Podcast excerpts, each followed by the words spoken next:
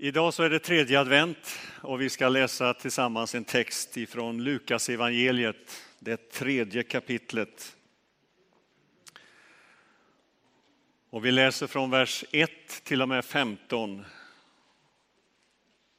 Lukas evangelium, det tredje kapitlet, från vers 1.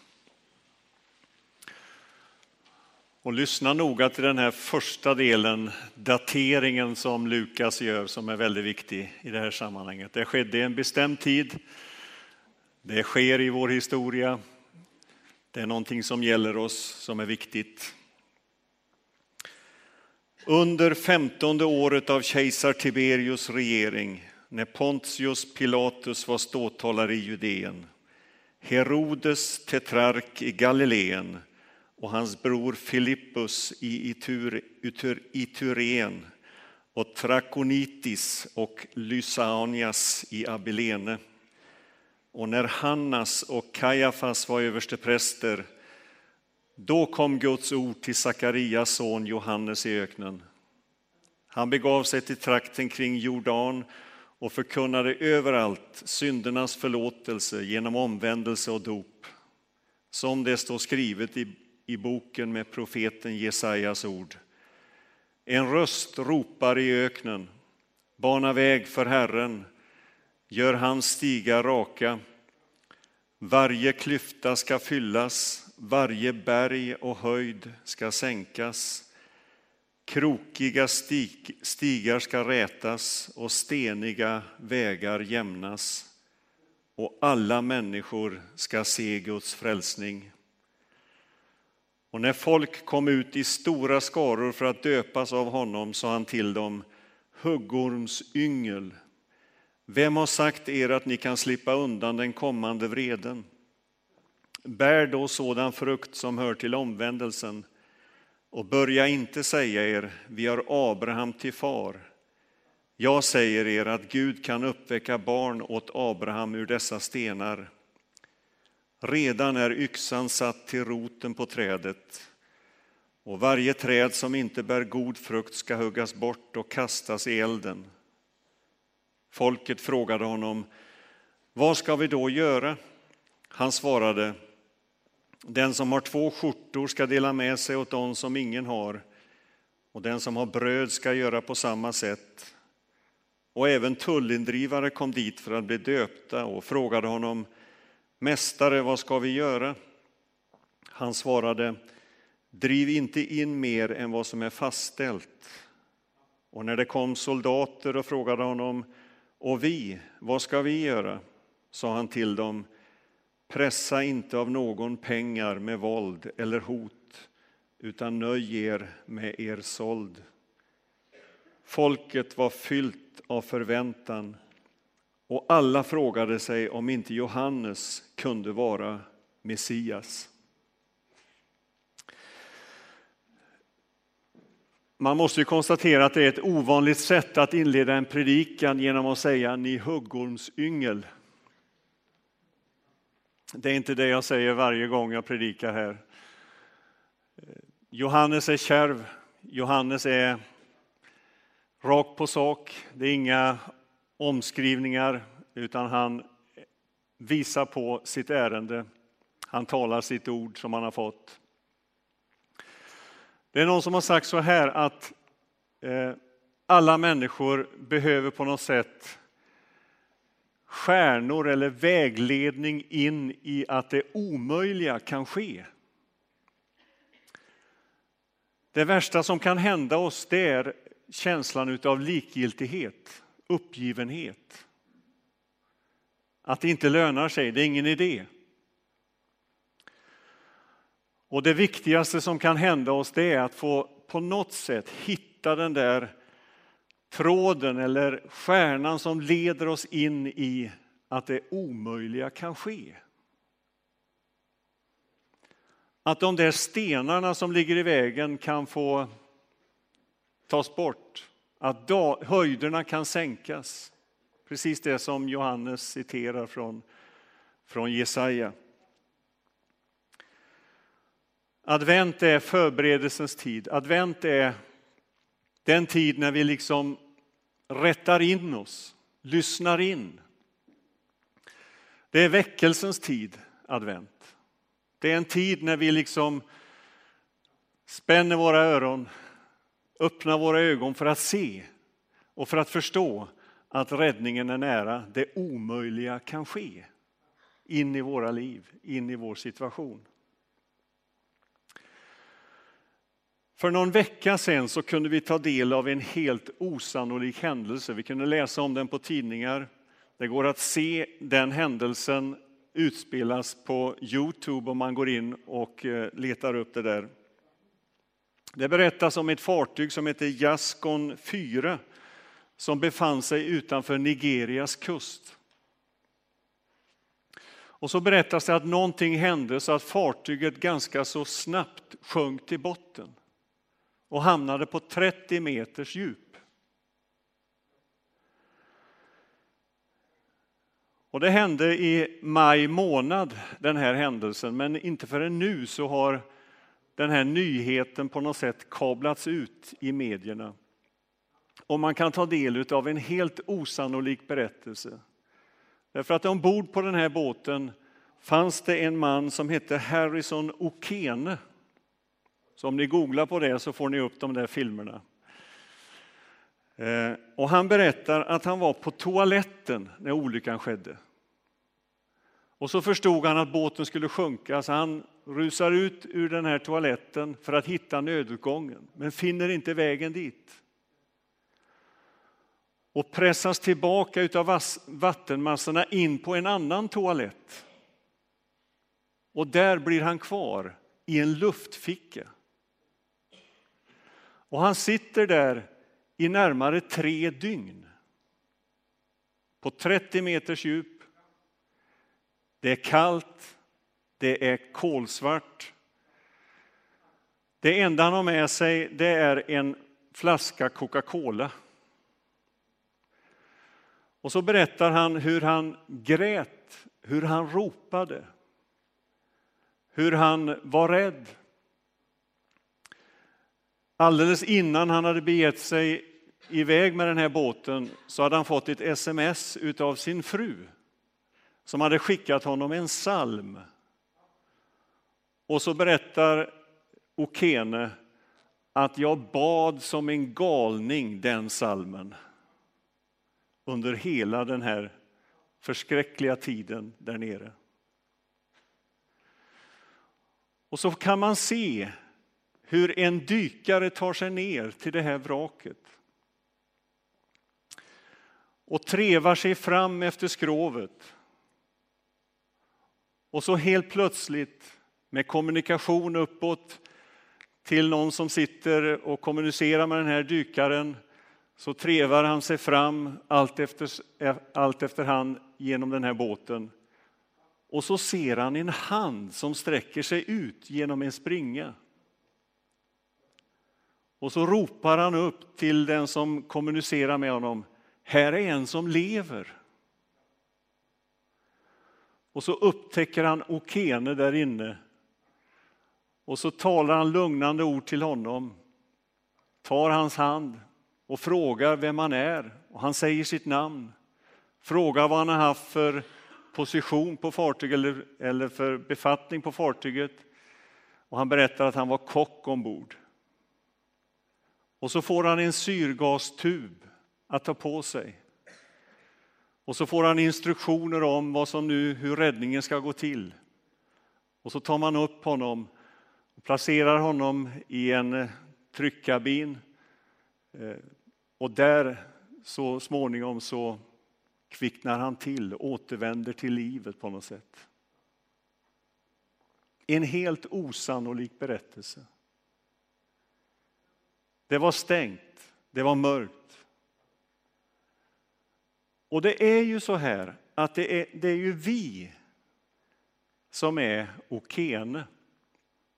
Det var vi som var där utsatta. Det är det som står på spel i adventstid och i juletid. Det är det det handlar om.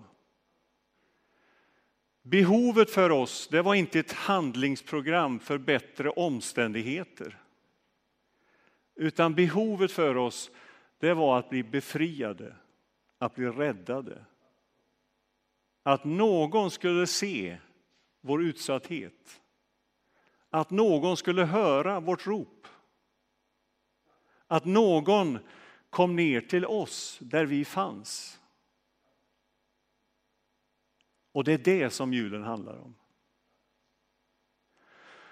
Och det är i den situationen Johannes kommer. Det är i, den, i det ärendet Johannes kommer. Han är en profet. Och vi sa här förra söndagen att det hade varit tyst ganska länge i Israels historia. En mörk tid. Flera hundra år av tystnad. Och in i den situationen kommer Johannes. Och några tror att han är Elias. Några tror att han kanske är Messias rent av.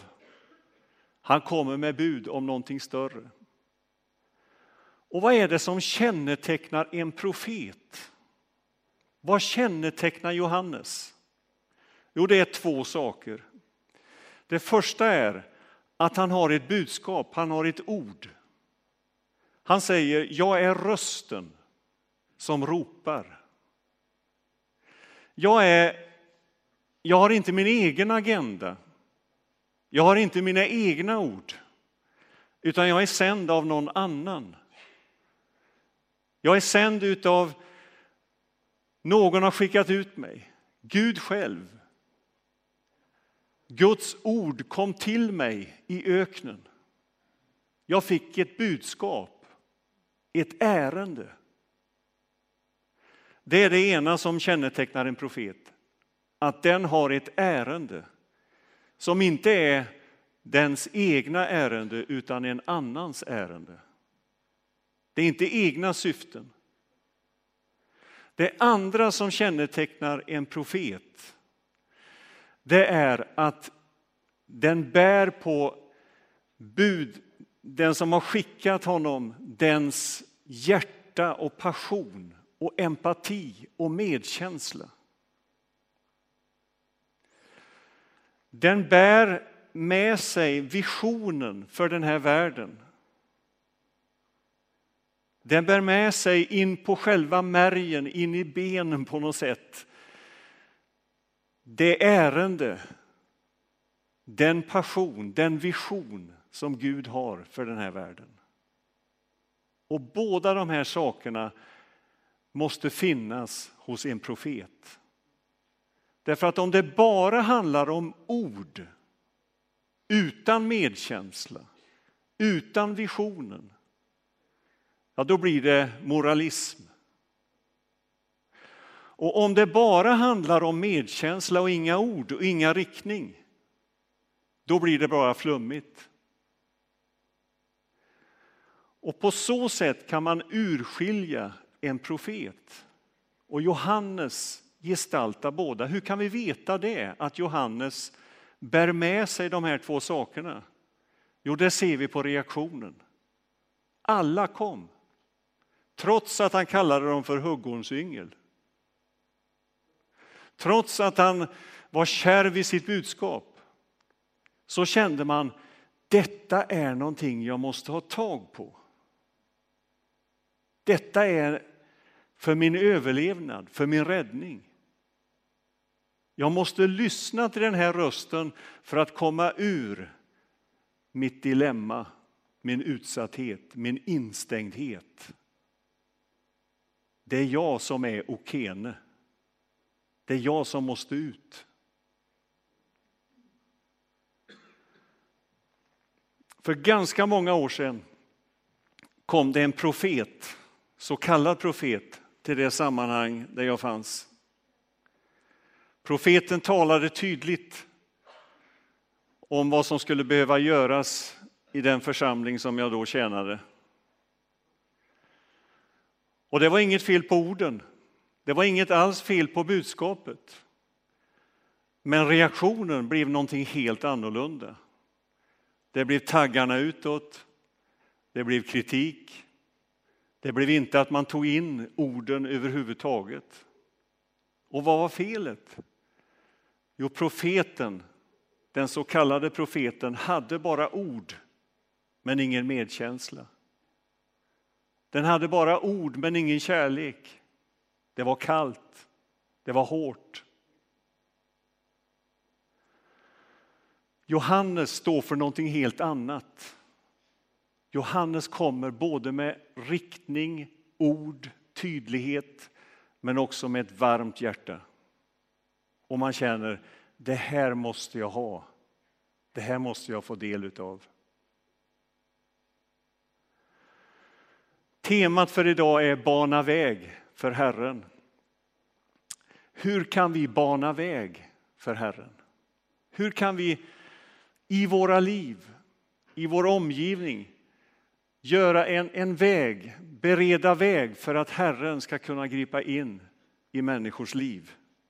Det är vårt uppdrag och det är vår, vår utmaning och vår kallelse på något sätt. Eh. Och Johannes han ger ju till de som lyssnar ett, vad kan man säga, ett förberedelseprogram. Ett handlingsprogram med mycket konkreta övningar. Han säger att om du har en klädnad så dela med dig av den. Det handlar alltså om fördelningspolitik. Alltså det går rakt in i våra liv. Att har vi för mycket så måste vi dela med oss.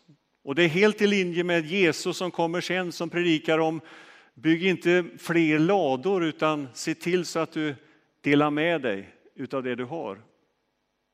En fördelningspolitik. För det andra handlar det om osjälviskheten och oegennyttan. Att se andra. Att dela med sig av brödet. Det handlar om vår ekonomiska förvaltning. Att vara generös. Och det handlar om hur vi utövar ledarskap. Att vara ett tjänande ledarskap. Att drabbas av den visionen utav den tanken som Gud har för den här världen. Och som Jesus uttrycker i orden, jag är inte kommit för att bli tjänad utan för att tjäna och ge mitt liv till lösen för många. Och så ställer han sig under de kända orden i Johannes 3. Så älskade Gud världen att han gav sin son. Guds kärlek var drivkraften. Och det är klart att vi kan uppfatta de här orden från Johannes som lagar. Någonting att klara av. Men då blir det fel. Och det är en oerhörd skillnad på att träna sig i något och att kämpa för att klara av något. De här orden från Johannes, de här orden om att bana väg för honom, genom de här uppmaningarna som Johannes ger. Det är uppmaningar som riktar oss rätt. Som säger, så här ska du nu göra för att komma ur ditt dilemma, Okene. Så här måste du göra. Du får en gastub, en syrgastub. Du får instruktioner om hur vi ska ta oss ur den här båten. Det är så vi ska uppfatta uppmaningarna. Nu kommer frälsningen, nu kommer räddaren, nu kommer andedöparen till oss. Och så här kan du lägga upp ditt liv för att ta emot honom i ditt liv. Här får du kommunikationsradion. Gör så här så kommer du ut. Och när vi ser det, att det är goda uppmaningar, det är goda ord till oss. Då säger fariseerna, då säger tullindrivarna, vad ska jag göra? Jo, gör så här, säger Johannes. Det är alltså goda uppmaningar till oss. Och vi säger ju ofta i den här kyrkan så här att lägg dig till med goda vanor. Och det ligger någonting klokt i det och det ligger någonting välsignelserikt i det. Att öva sig i goda vanor. Att bereda väg för Jesus i sitt liv. Och i det finns gudstjänsten, bönen, Bibeln, ordet. Att dela sitt liv med andra, att tjäna, att vara generös, att ge. Det är goda vanor som på något sätt bereder väg för den frälsare och den räddning och den ende som kan förvandla och förändra våra liv. Den ende som kan föra oss ifrån detta likgiltiga till hoppet, till att det omöjliga kan ske i våra liv. När jag har förberett mig för den här texten och liksom tuggar in den på något sätt. Jag brukar säga ibland att som predikant så går man havande i den meningen att man går liksom och verkar in ordet.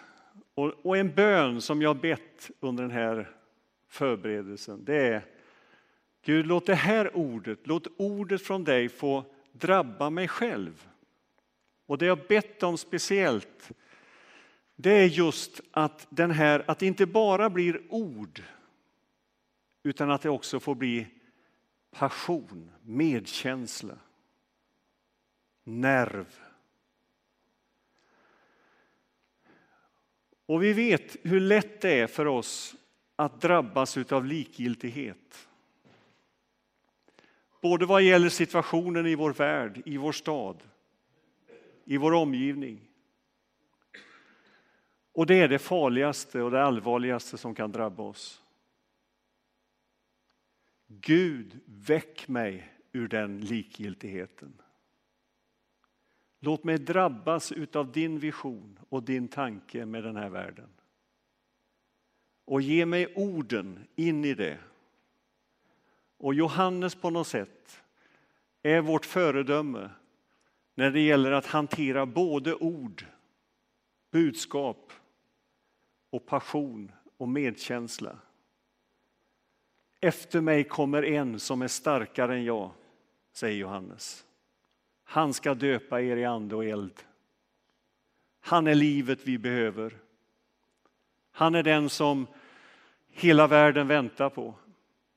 Han är den som kan föra oss från likgiltighet in i det omöjliga. In i hoppet, in i ljuset. Och låt det få vara vår bön och vår längtan och vår strävan in i den här dagen och in i våra liv och in i den här helgen. Amen. Låt oss be. Gud, drabba oss med din kärlek. Med din känsla, med din syn på den här världen, på allt runt omkring oss. Hjälp oss att förvalta det du har gett oss på rätt sätt. Vi ber Herre om att du ska få lysa klart framför oss med dina möjligheter, med ditt hopp och ditt ljus. Herre, jag ber för den som just nu känner att det är stängt, att det är kört. Kom med ditt hopp in i det. Kom du helig Ande och visa vägen ut. Visa på Jesus. Så får vi komma med förväntan inför dig Jesus. Med tro på dina möjligheter. Med dina ord in i våra liv. Med ditt helande, med din befrielse. Amen.